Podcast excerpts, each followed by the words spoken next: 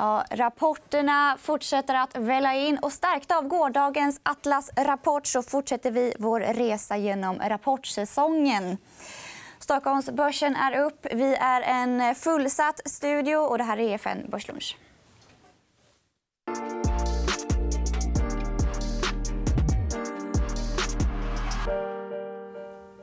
Ja, härligt att vara här. Och vi gästas av Marcela Klang och John Hernander.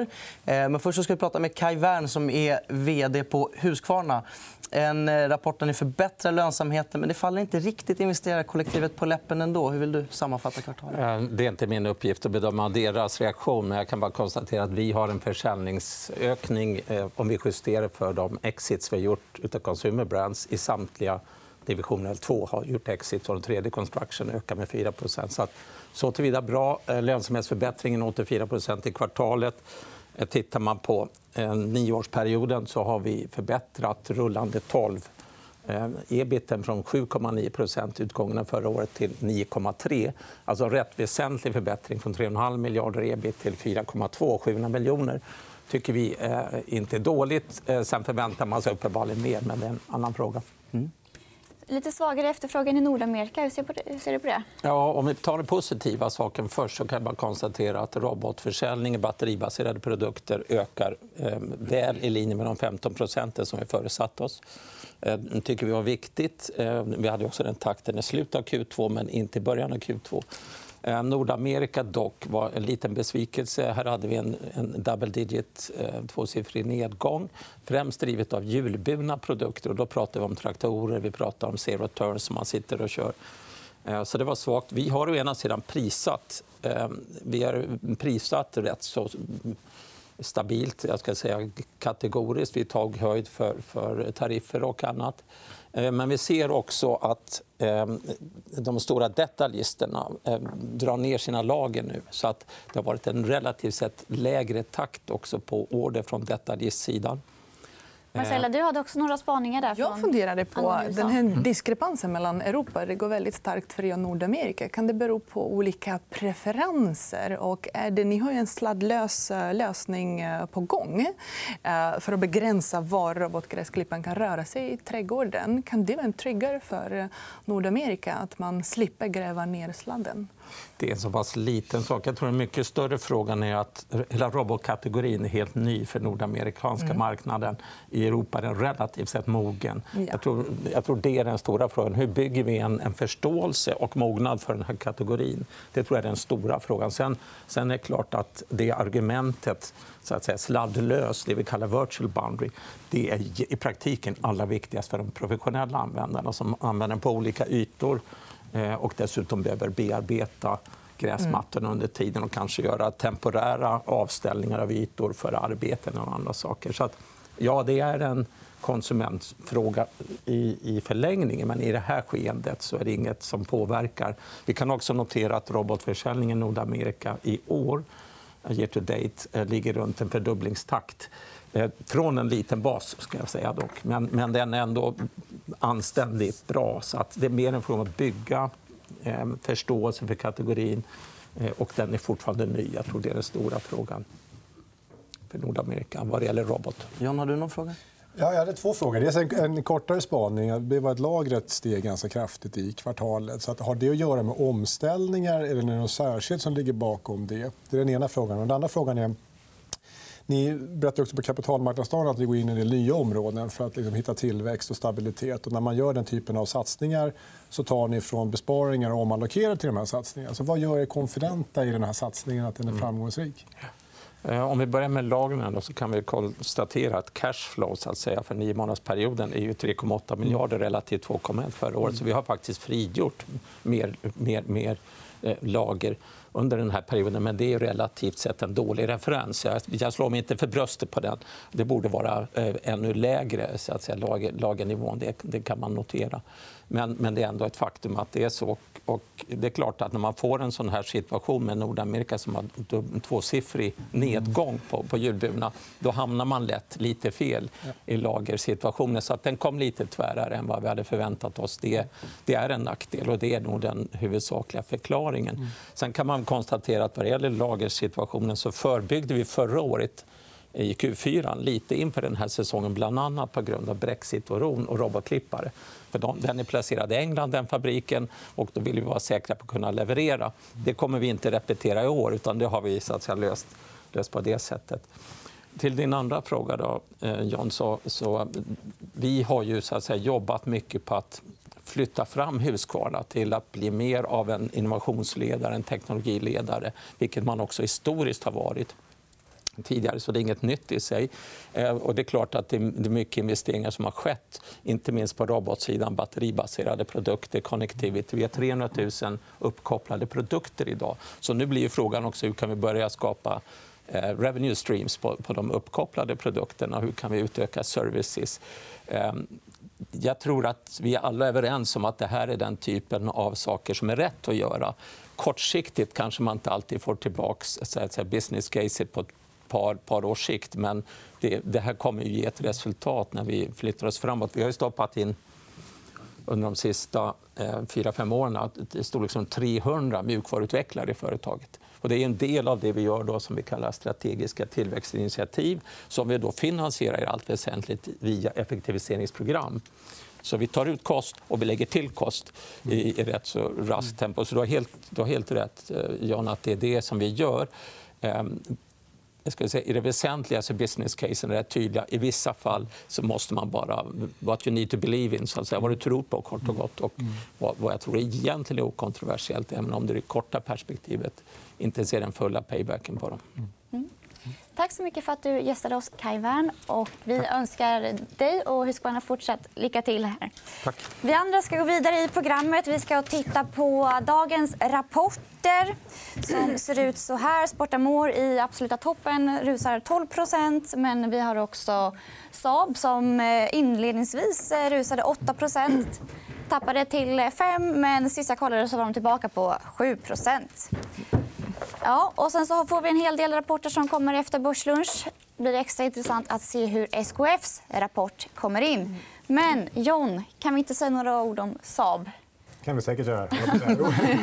Nej, men det här är ju ett, ett bolag som är ganska svårt att prognostisera. Tycker jag. Om man tittar på marknadens estimat inför kvartal så varierar enskilda affärsområden från mellan förlust till plus ganska rejält faktiskt mellan analytiker. Så det, det syns att det är en svår, vad vi kallar för forecastability i närtid. Och det gör också att det blir en stor volatilitet ofta kring resultaten för Saab. Det här var ett jättefint resultat av bra orderingång och eh, försäljning och så vidare. Delvis supporterat av en order från Finland. Men, eh, och det gör ju, när du har den här lampinessen mellan kvartal, om man fick, fick en order ett visst kvartal eller nästa kvartal, då slår det väldigt mycket på aktiekursen. Borde de inte flaggat för den tidigare? kan man tycka. För, eller de kanske vill ha en sån här positiv... Med, ja, ja, det var väl kanske en tanke. Jag, jag, tror så här, som investerare så är det ju snarare så att, att du vill ha hygglig stabilitet. Så att volatilitet bidrar till risk. Det är någonting som vi försöker ha det i alla fall på det enskilda bolaget på så sätt. Så att på så sätt så är det bättre när det inte är jättestora kursrörelser. Mm. Men, äh, men det var ett starkt, starkt överlag eh, på de flesta punkter. Det verkar inte vara några negativa signaler från Brasilien heller angående Gripen planen? Inte vad jag plockat upp. Nej. Kassaflödet, kort bara. Det har ju funnits många som varit oroliga för att kassaflödet är väldigt svagt. Jag läste några spekulationer i förra kvartalet om nyemission. Till och med. Eh, är det någonting som du har reflekterat över? Det är fortfarande kraftigt negativt. Jag kan inte säga att jag... Alltså, vi äger inte Saab. Så att jag har skummat igenom rapporterna. Så den detaljnivån har jag tyvärr inte så jag kan svara på. Mm. Mm. Eh, från ett eh, lite mindre ESG-bolag till ett betydligt mer ESG-bolag. Tomra kom med rapport igår och eh, slog förväntningarna. Du har tidigare haft hold på bolaget mm. men bytte fredags till buy. Vilken timing! Ja. Eller hur? Varför, varför då? Kan man så kan man. Sist vi var här så pratade vi faktiskt också Tomra. Sist jag var här. Och då hade vi en hållrekommendation på bolaget. Det är den dyraste aktien som jag någonsin har analyserat. Och det är ju klart att då är det lite känsligt eh, på eh, nyheter. Eh, långsiktigt är vi positiva. För det här är ett fantastiskt ESG-case. Hållbarhetstrender när det gäller Eh, pantmaskiner och eh, återvinning av plast och sortering av eh, mat för att skapa bättre matproduktion. Men då har vi alltid sagt buy on dip. Och nu i fredags aktien var ju ner 30% nästan på fyra månader. Så har vi fått den här dippen. Och så kom en väldigt bra rapport igår med all time high orderingång. Och det var det som man var orolig under andra kvartalet.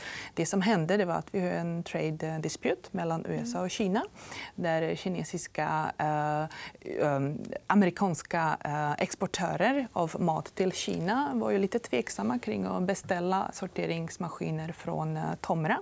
Men istället så kom det ju företag från Latinamerika och Australien eh, och eh, ja, tecknade kontrakt med, med Kina. Och Tomra var ju där. Det bekräftar ju deras eh, kvalitet. och De är ju så mycket starkare än konkurrenterna. Så de tog de beställningarna på sorteringsmaskiner från Latinamerika och Australien. Och samtidigt så kom ju amerikanska investerare som var lite tveksamma. Och de hade ju, eller matproducenter de hade ju sått och de behövde ju behandla sin, sin matproduktion.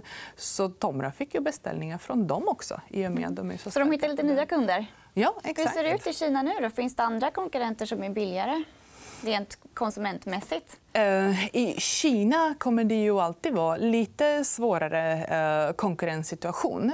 För eh, det andra stora som är jätteviktigt för Tomra det är ju kommande pantsystem. Vi har ju nu fått en del i Australien och i Europa. Skottland är på gång, Portugal är på gång. England jätteviktig pantmarknad för Tomra 2023. Men det stora som kommer att lyfta aktien det är när vi får lite nyheter från Kina. Kina funderar ju på eh, egna pantsystem. Tomra är väldigt starka där. De har 300 anställda i Kina. Och det blir lite lättare också att eh, vidareutveckla pantsystem i Asien. När du har ett exempel i Kina. För, som de nämnde igår, att det kommer ju regeringar från Asien titta till Norge och Sverige och säga att ja, det här ser jättebra ut men det känns ändå inte som Malaysia. Och har du pantsystem i någon kinesisk region då kommer det att kunna växa, växa i Asien. Och, eh, konkurrensen kommer att vara lite tuffare, men Tomra, Tomra är ju starka där. Mm. Kort, kort, kort. Har tåget gått nu eller är köpläget fortfarande kvar? Vi har fortfarande köprekommendation ja. tills vi ser nåt annat. Mm. Mm. Så har, du tåget inte gått? i portföljen? Nej, det inte. Nej, tycker du för dyrt? Ja, dels förvaltar jag en svensk aktiefond primärt. Vi kan äga upp till 25 utanför eh, i Norden. Men, mm. men Tomra har vi jag har tittat på det, men vi äger andra aktier utanför Sverige än Tomra. Mm. Då ska vi titta på lite andra värderingar. Och vi har några bolag som inte är lika dyra. Vi har en, eh, en graf som visar på värdering. Då är det PI, PE och eh, PBV jämfört med historik relativt börsen. Ja, det här är en krånglig graf att förklara, men oerhört intressant. tycker jag. Så du har ju pris över eget kapital på Y-axeln och som är en ganska långsiktig fundamental värderingsmultipel kan man kalla det. Och PE-talet, alltså pris över vinst per aktie på X-axeln som är lite mer cyklisk. Och nu står vi inför ett osäkert konjunkturellt läge vilket har gjort att folk har då köpt bolag som då bedöms klara sig bättre än andra och eh, eh står för kanske då en upplevd högre kvalitet. Så vad den här grafen visar, den visar hur nuvarande relativ värdering mot börsen är jämfört med bolagens tioåriga historik.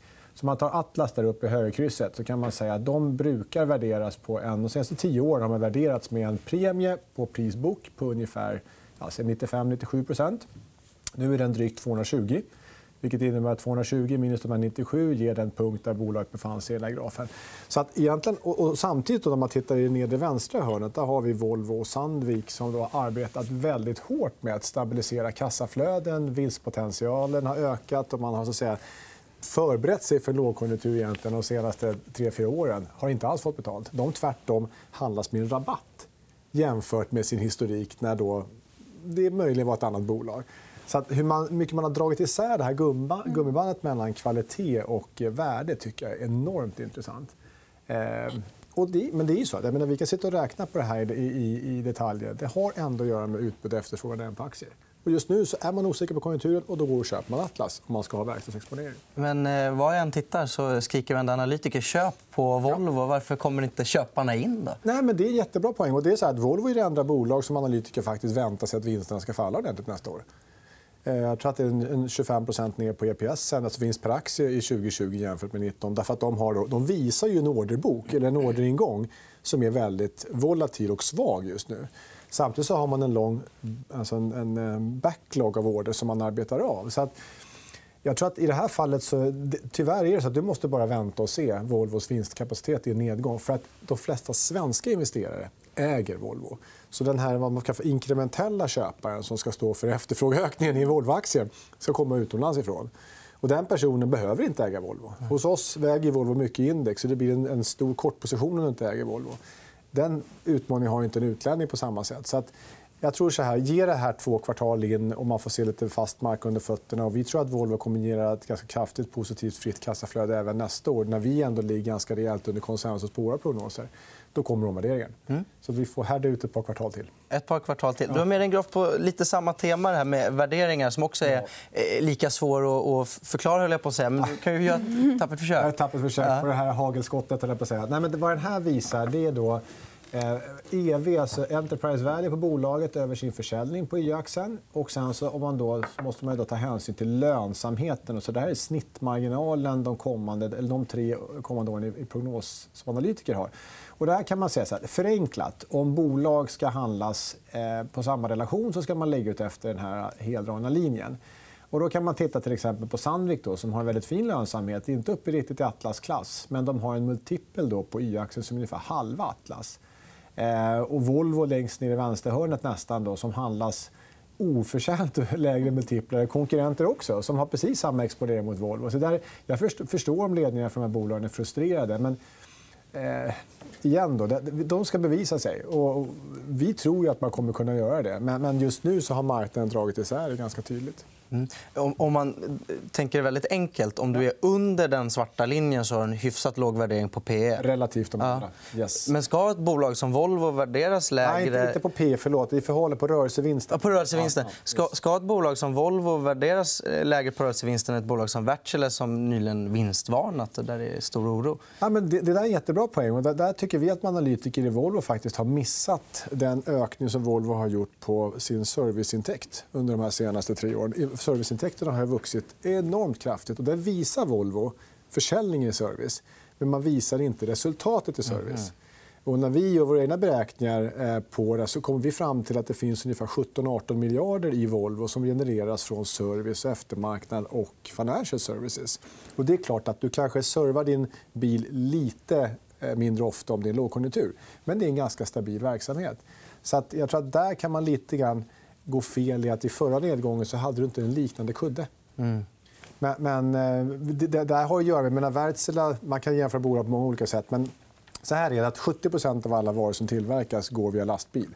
Så är det så att du får en orderingång som, som sjunker med 60-70% i Nordamerika då är det en indikation på att aktiviteten är lägre. Och då kommer resten av de här bolagen i den här hagelsvärmen inte vara opåverkade. Nej. Och där väntar sig de flesta analytikerna fortsatt oförändrat till ökande vinster nästa gång. Så på den multipeln som är högre så har, än Volvo så har en ökande vinst. Så vi ser både multipel och vinstrisk. Mm. Mm. Eh, och imorgon så får vi eh, två rapporter från Nobia och Inwido. Ja. Vad tycker du om de bolagen? Ja, Inwido är också ett av eh, bolagen där vi har gjort en förändring inför rapporten. Eh, den drog vi ner från buy till en hold rekommendation. Trots att om Tomra var min dyraste aktie så Inwido är min billigaste, sju gånger, sju gånger PE. Eh, och vi är oroliga för de två största marknaderna för Inwido är Sverige och Finland. Tillsammans cirka 60% av försäljningen. Och caset har varit att under året så borde ju konsumentefterfrågan på fönster fönster äntligen tar lite fart. Den har ju varit så nedtryckt efter att man försämrade rotavdraget. Men den var ju stabil. Och samtidigt så fortsätter ju nedgången på nyproduktion från en väldigt låg nivå. De senaste estimat från Boverket talar ju om minus 11% i år och ytterligare 5% ner på nyproduktion nästa år. Eh, sen har ju Inwido-storyn varit baserad väldigt mycket på förvärv. Nu tar de en liten paus. för Det är ju cirka tre gånger net efter ebitda. Så skuldsättningen måste ju komma ner lite grann innan vi blir lite mer positiva på den här. Mm. Eh, Nobia, också en hård rekommendation, en ny vd som började i september. Så det är vi väldigt eh, spända på. Jag tror att Eh, där har vi fått signaler att eh, konsumentefterfrågan har ändå varit eh, kanske lite bättre eller att Nobia har lyckats lite bättre med sina senaste modellerna. Det är lite svårare att sälja kök än att sälja fönster. Så deras återförsäljare, Nobias återförsäljare är lite mer lojala medan Inwido har ju fått lite kalla handen av, av sina återförsäljare. Så snäppet mer positiva på Nobia. Mm. Eh, men vi får se vad nya vd har i rockärmen. Mm. Nobia är ganska hårt exponerade mot Storbritannien. Ja, tror att de är, är glada över att pundet börjar stiga igen och att det börjar bli lite klarare runt brexit? Det är cirka 45% exponering mot UK. Ja. Och det har också gjort att de har dragit upp lagernivåerna till eh, nästan åtta veckors lager för high runners jämfört med vanligtvis en vecka lager. Så det kostar ju dem en del. Och så ja, volatilitet i pundet också. Mm. Det är ju hälften UK med brexit-oro och hälften Norden där man kanske inte väntar sig någon högkonjunktur på sikt. Så. Mm.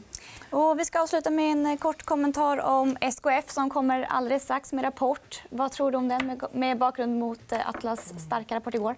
Eh, ja, alltså, där har man ju faktiskt inte... Båda är industriexponerade, men SKF har faktiskt haft... De hade en nedgång i volymerna redan under andra kvartalet. och Den kommer fortsätta nu. Normalt sett, när man är inne i den här konjunktursvackan och avmattningen som SKF befinner sig i så håller det i sig fyra till sex kvartal.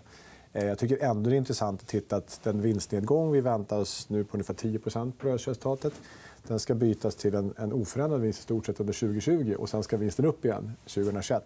Och det tycker jag är superintressant. att All den här rädslan som man har för konjunkturen och indikatorer som pekar neråt den reflekteras inte alls i mm. estimat. Mm. Inte ens efter rapporten. Det är klart att efter Atlas entusiasm igår eh, men samtidigt så flaggar bolaget för att det inte ser svagare ut. Alltså jag tänker på Atlas. Då, de har ganska kort orderbok i de flesta fall. Så att de har inte bättre visibilitet än någon annan. Så jag tror att ehm, Eh, och det är istället i SKF som har en kort orderbok som säljs väldigt mycket, nästan off the shelf. Eh, där har vi bara sett nedgången. Och det är frågan om SKF kan vara alena om den eller om övriga verkstadsbolag kommer att påverkas. Så att, eh, jag tror att SKF kommer att komma ut med ganska försiktiga utsikter och kommer sannolikt ha en sjunkande volym även i slutet på det här året. Mm. Tack så mycket för det. Börslunch är slut för idag, men vi är tillbaka igen imorgon. Och då ska vi titta på fler rapporter. Följ med då. Ja.